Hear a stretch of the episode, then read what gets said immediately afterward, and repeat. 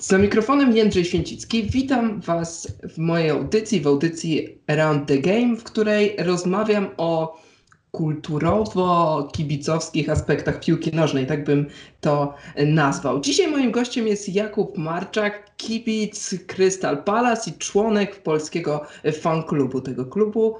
Tak jak to zabrzmiało, nie fajnie, ale witam Cię Jakubie. Cześć, witam wszystkich. Upewniam się jeszcze raz, czy wszystko jest dobrze, czy się słyszymy. Tak. I, I zaczynamy w takim razie. Crystal Palace Football Club, rok powstania 1905. Sukcesów od tego czasu właściwie brak i stąd moje pierwsze pytanie. Jak w Polsce można zainteresować się y, tą drużyną i co Cię pchnęło w stronę Crystal Palace? Myślę, że y, jest kilka rodzajów kibiców piłkarskich klubów zagranicznych. Mm, przede wszystkim jest ten taki rodzaj, y, który bazuje na sukcesach piłkarskich, czyli ludzie, którzy kibicują, czy to tak globalnie, myślę najbardziej popularnie y, Realowi Madryt czy Barcelonie, albo na przykład w Anglii Manchesterowi United, Chelsea i tak dalej, takim większym klubom. Ale są też ludzie, którzy kibicują ze względu na coś więcej niż tylko sukcesy, czyli y, ze względu na fajną atmosferę y, wśród kibiców, y, dobrze mm, zbudowany klub, a więc całą organizację, mm, poczucie takiej wspólnoty, no, no, że jest po prostu coś więcej niż tylko pieniądze i sukcesy. I myślę, że to przyciąga kibiców z Polski do, do Crystal Palace, bo właśnie te aspekty, czyli kibice i, i cały klub y, jest naprawdę przyjemny do kibicowania, a piłka nożna, która jest oczywiście esencją, y, to, to da się to przeboleć, jeśli jest się w przyjemnym gronie i te nawet słabsze wyniki y, nie sprawiają takiego bólu. Mówisz o organizacji, mówisz o atmosferze, ale czym ona się różni od tej, którą znamy z Manchester United, Chelsea, Realu czy mhm. Barcelony? Ja myślę, że te gigantyczne, globalne marki y, mają coś takiego, że no przez to, że są markami globalnymi, przyciągają bardzo dużo kibiców y, zagranicznych, ale w takim sensie, mm, że właściciele klubów y, dostosowują się trochę z przekazem, z formą właśnie do mm, zagranicznych kibiców. Przykładami są właściciele przykład chińscy, którzy potrafią zmienić e, herb e, tradycyjny klubu, dostosować logo i tak dalej. E, I cierpi na tym lokalna społeczność. A y, Crystal Palace jest cały czas klubem stricte angielskim, też stricte londyńskim, więc też będąc w Londynie doświadczyłem tego, że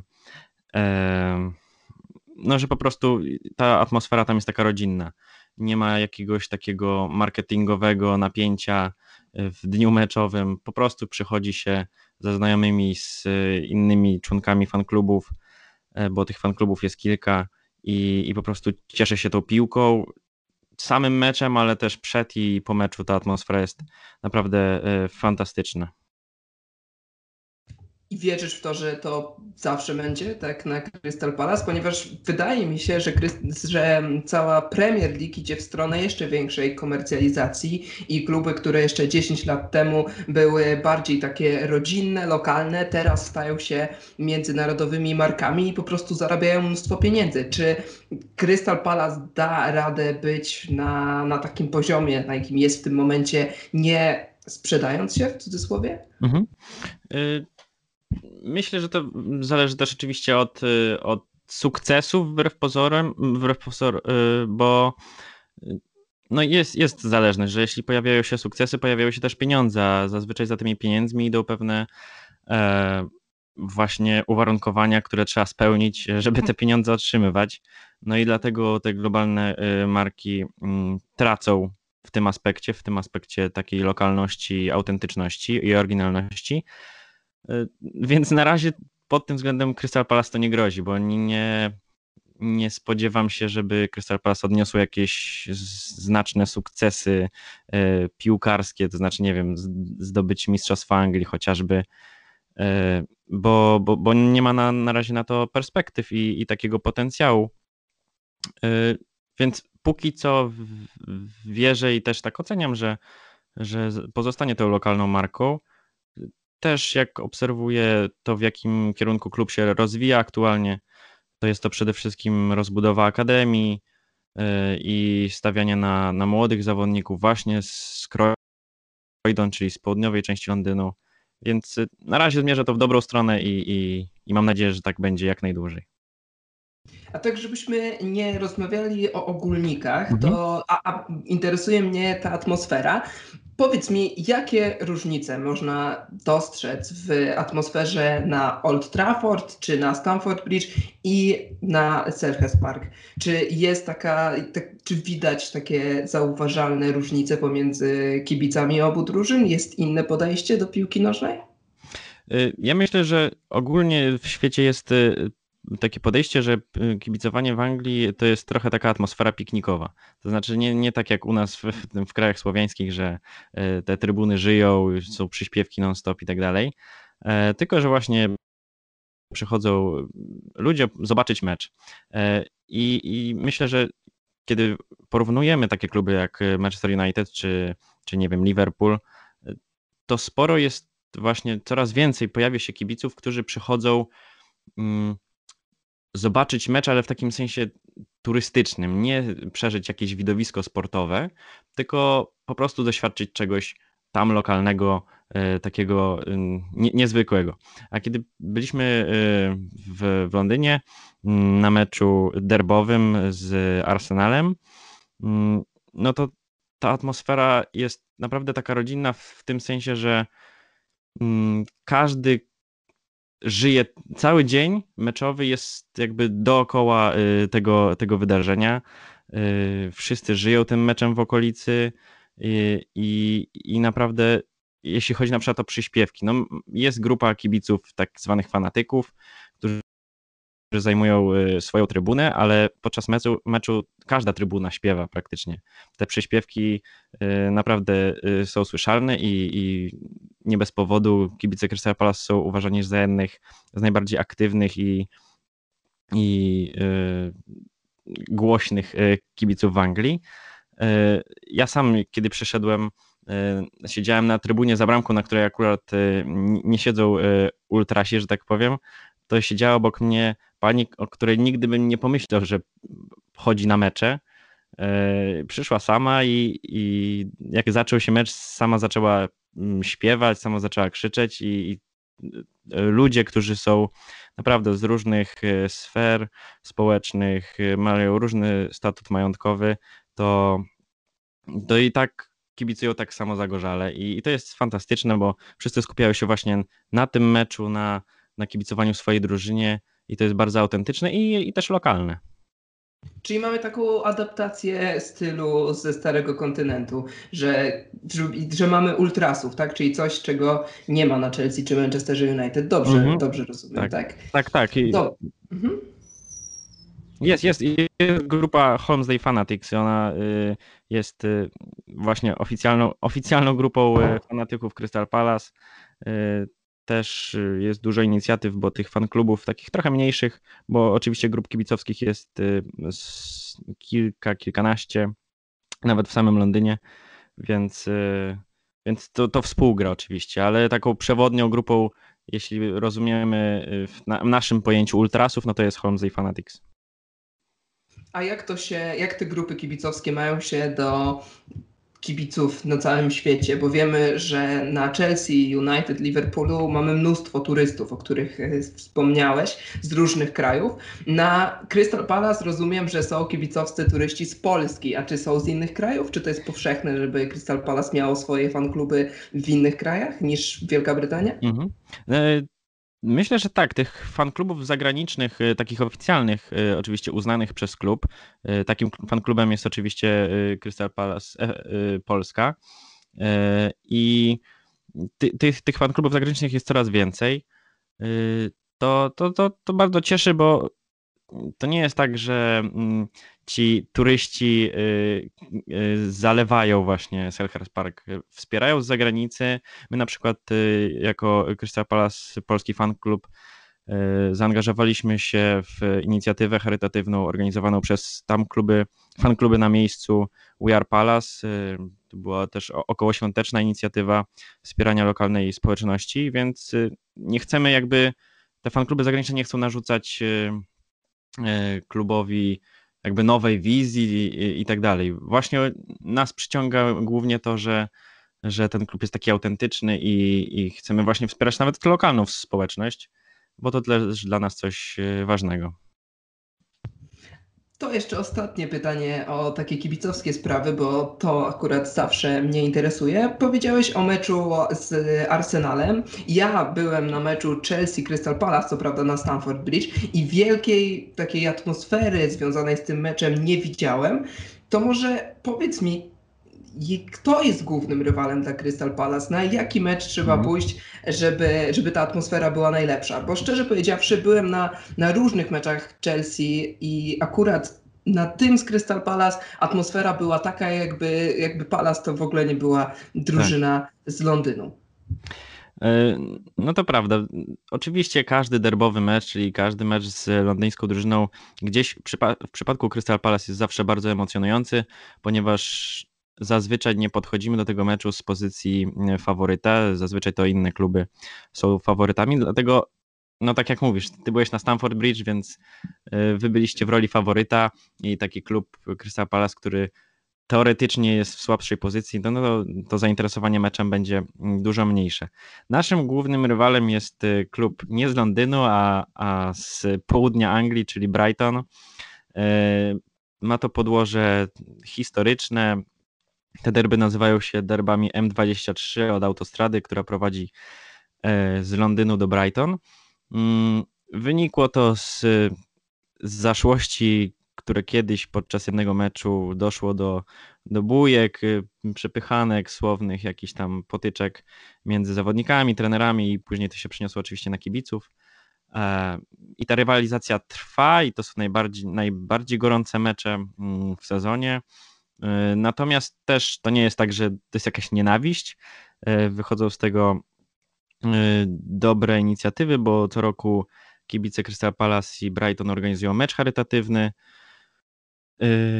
Więc są też oczywiście plusy. Z Londynu myślę, że ze względu na to, że na południu Londynu nie ma za bardzo konkurencji w tych wyższych ligach, to znaczy jedynym chyba takim najwyżej y, ligowo y, klubem jest y, Millwall, z tego co kojarzy, i chyba Charlton Athletic.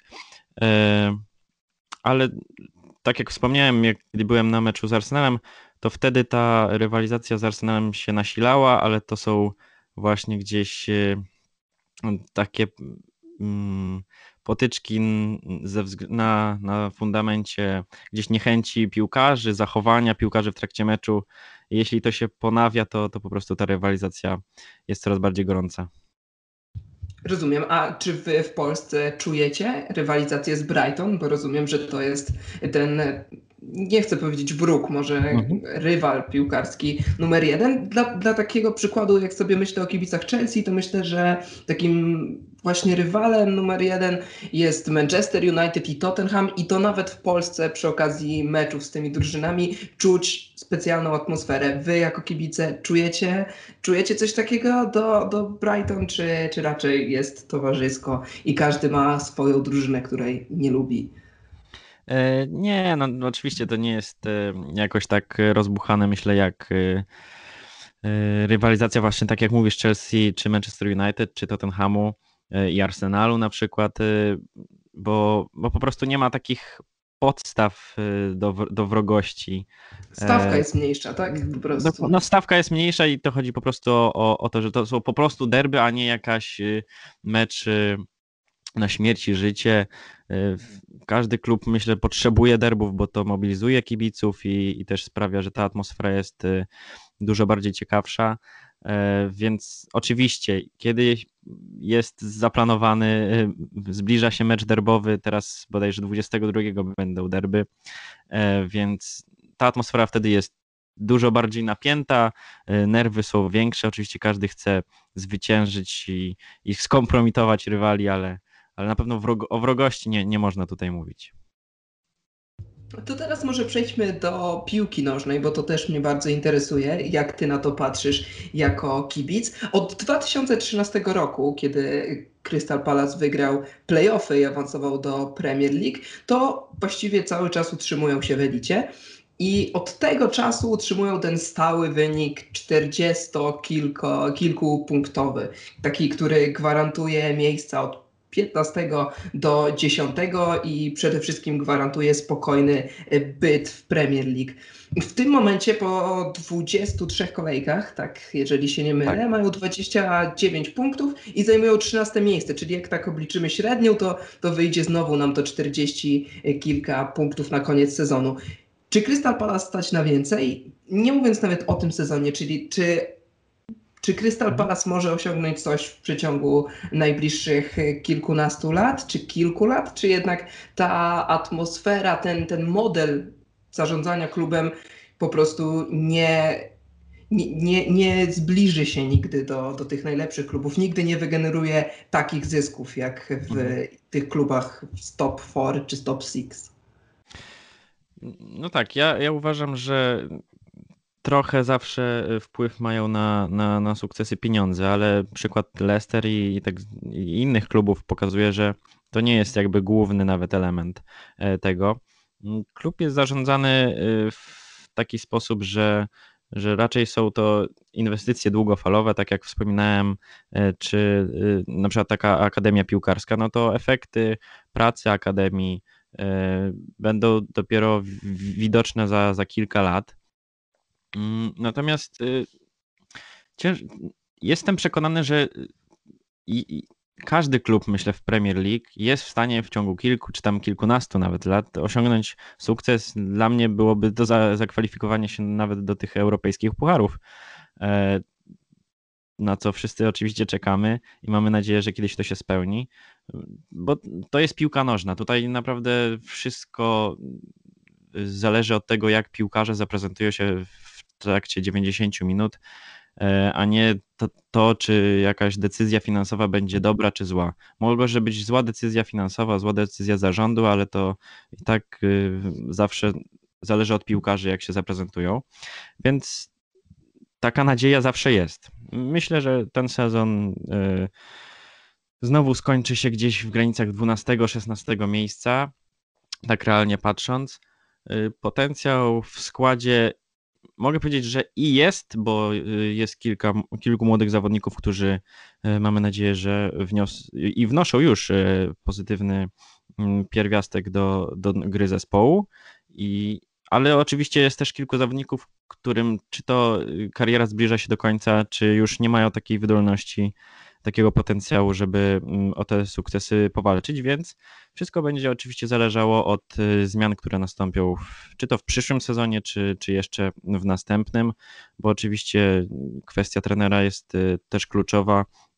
Roy Hodgson, który jest już od kilku lat trenerem, no widać po jak się ogląda Crystal Palace, że ten styl się nie zmienia i myślę, że to też jest ta kwestia, która ma wpływ na, mm, na wyniki y, Crystal Palace. Więc y, zobaczymy, ale realnie patrząc, no to Crystal Palace jest takim klubem 12-16 miejsca, ale co ważne i co ciekawe dla kibiców, którzy może gdzieś tam się by chcieli zainteresować y, Crystal Palace, to że y, mecze z top 6 to są nasze ulubione mecze. Crystal Palace uwielbia grać z dużo lepszymi przeciwnikami, bo potrafi sprawić dużo niespodzianek i to są te momenty, kiedy my jako kibice się niezwykle cieszymy, chociaż później tak przychodzi na przykład mecz z ostatnią drużyną ligi i e, Crystal Palace znowu zaskakuje, tym razem negatywnie, więc e, jest bardzo ciekawie i, i, i nieprzewidywalnie, ale to jest piłka nożna i o to w tym chodzi.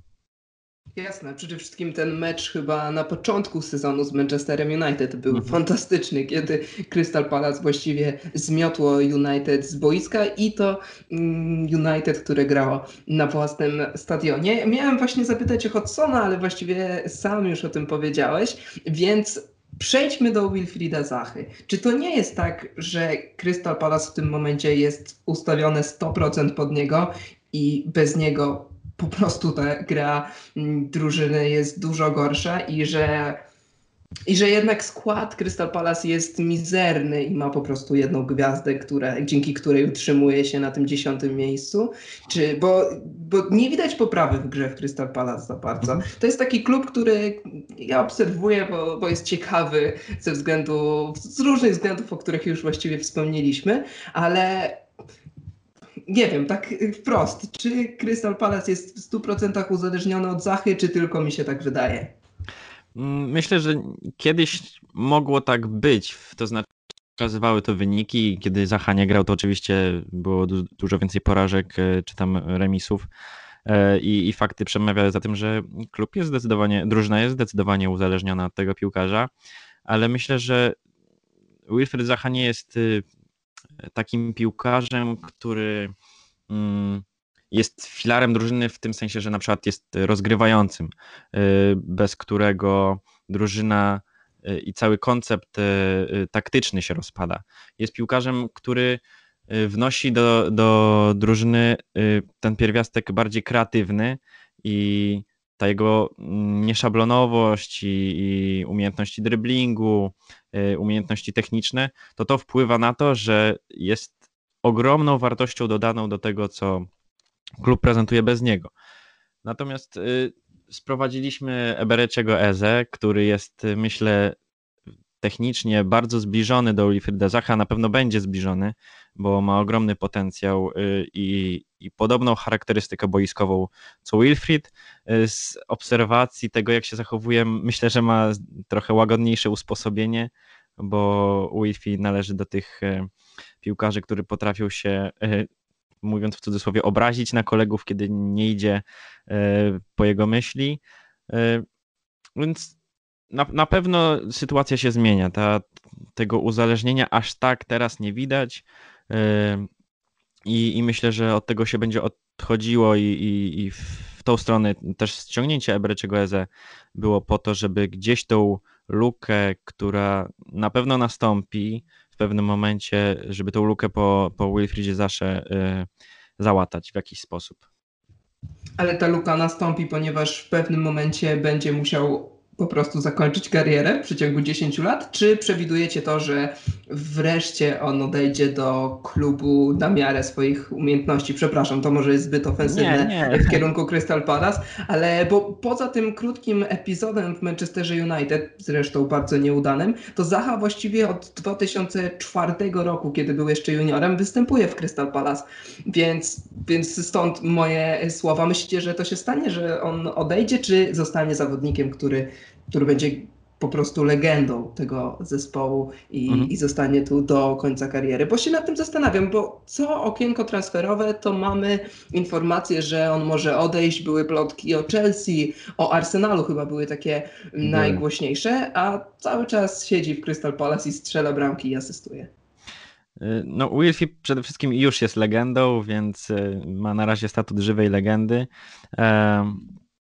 ale, ale no przewiduje się, że, że raczej odejdzie. Te plotki oczywiście myślę, że są już od jakichś 3-4 lat y, takie bardzo głośne y, i co okienko faktycznie y, jest dużo spekulacji na ten temat. W zeszłym sezonie myślę, że było najbliżej, żeby Wilfred, odszedł, no ale oczywiście mm, pandemia, obniżenie mm, wpływów finansowych do klubów y, i też konieczność tego, że trzeba by było ewentualnie zejść z ceny, mm, spowodowało, że, że na ten transfer się nie zdecydowano.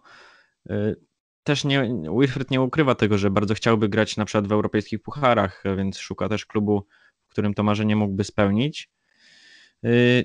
Ale też czuję się w, w Crystal Palace jak w domu. Znaczy, po transferze do Manchester United, który, tak jak wspomniałeś, nie był do końca udany, e, też miał pewne problemy psychiczne, znaczy, no ta cała sytuacja go trochę przerosła. E, wrócił do Crystal Palace i tutaj się odbudował zdecydowanie. I psychicznie, i, i też forma wróciła do tego, e, co potrafi pokazywać, ale myślę, że będzie szukał gdzieś e, tych szans, e, żeby pograć jeszcze w Europie. E, no dlatego też klub stara się y, tą hipotetyczną lukę, która w pewnym momencie nastąpi, czy to będzie już w przyszłym sezonie, czy, czy za rok, czy za dwa, e, żeby to mm, ta luka nie była bolesna. O tak. A ASE wydaje się naprawdę perfekcyjnym. To, to się z tobą Mhm. zdecydowanie zgodzę. Tutaj nie ma, nie mówisz tego od strony kibicowskiej, tylko w ogóle wydaje mi się, że obiektywnej, bo ASE fantastyczny, fantastyczny zawodnik, świetnie się go ogląda, właściwie jeszcze lepiej niż Zachę. Gdyby Tak. umiał utrzymywać formę w każdym meczu, to by było świetnie. Super. Dziękuję Ci bardzo za tę rozmowę. Mam nadzieję, że ktoś, kto nie wiedział nic o Crystal Palace, czegoś się dowiedział i zwrócił uwagę na tę drużynę, bo jednak wynikami i stylem gry jednak tak nie zachęca do oglądania co weekend, ale z różnych względów jest ciekawa, co tutaj powiedziałeś. Dziękuję Ci bardzo za tę rozmowę. Dziękuję Tobie bardzo i też zapraszam wszystkich na profile facebookowe i, i naprawdę warto do nas dołączyć, a przynajmniej y, nas obserwować, bo tak jak y, wspomniałeś, wyniki może nie zachęcają, ale kibice już na pewno tak, także zapraszamy. Dzięki. Super, dzięki wielkie. Na dzisiaj to tyle. Słuchajcie Radia Pałac. Zapraszamy też na profile Radia Pałac na Instagrama, na Facebooka. Do usłyszenia za tydzień.